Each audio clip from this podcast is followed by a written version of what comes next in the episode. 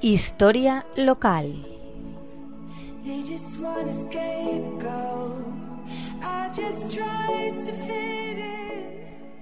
Buenas tardes, amigos de la Tegua Radio.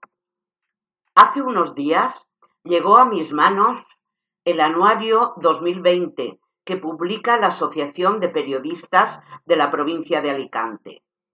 En él un artículo muy interesante de la directora de la Tegua Radio, Elia Armero, sobre el papel fundamental de los medios de comunicación en situaciones excepcionales y de crisis.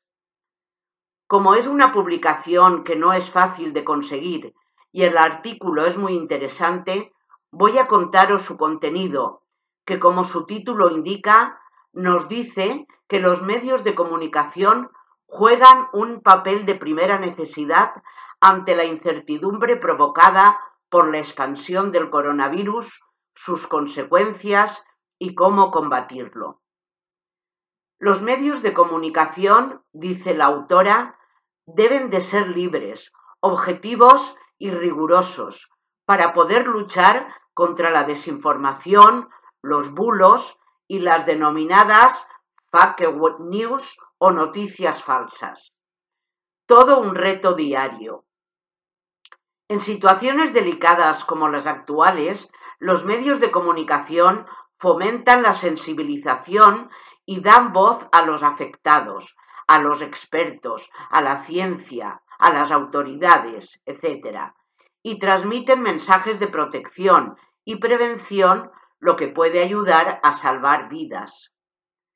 La radio, por su proximidad, simplicidad y bajos costes, es el medio de comunicación más utilizado en todo el mundo, por lo que sigue siendo una herramienta indispensable para potenciar la diversidad y contribuir a crear un mundo más inclusivo, además de poder llegar a las comunidades más remotas y vulnerables.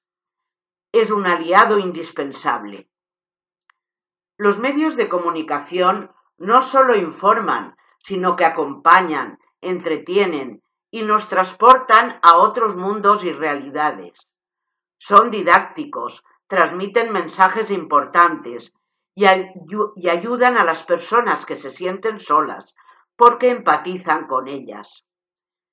Los medios de comunicación son un servicio público que mantiene informada a la sociedad como derecho fundamental.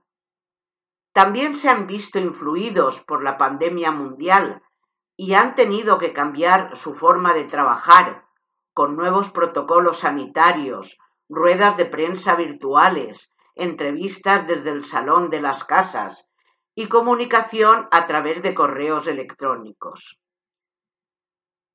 Hay que informar sin sensacionalismos, con prudencia para no fomentar el pánico entre la población, es decir, potenciar el periodismo responsable y de calidad. Pues todo esto, amigos, nos dice la directora de la Tegua Radio en esta interesante crónica en su colaboración anual en la Asociación de Periodistas de la Prensa de la provincia de Alicante. Hasta la semana que viene. Un cordial saludo, amigos.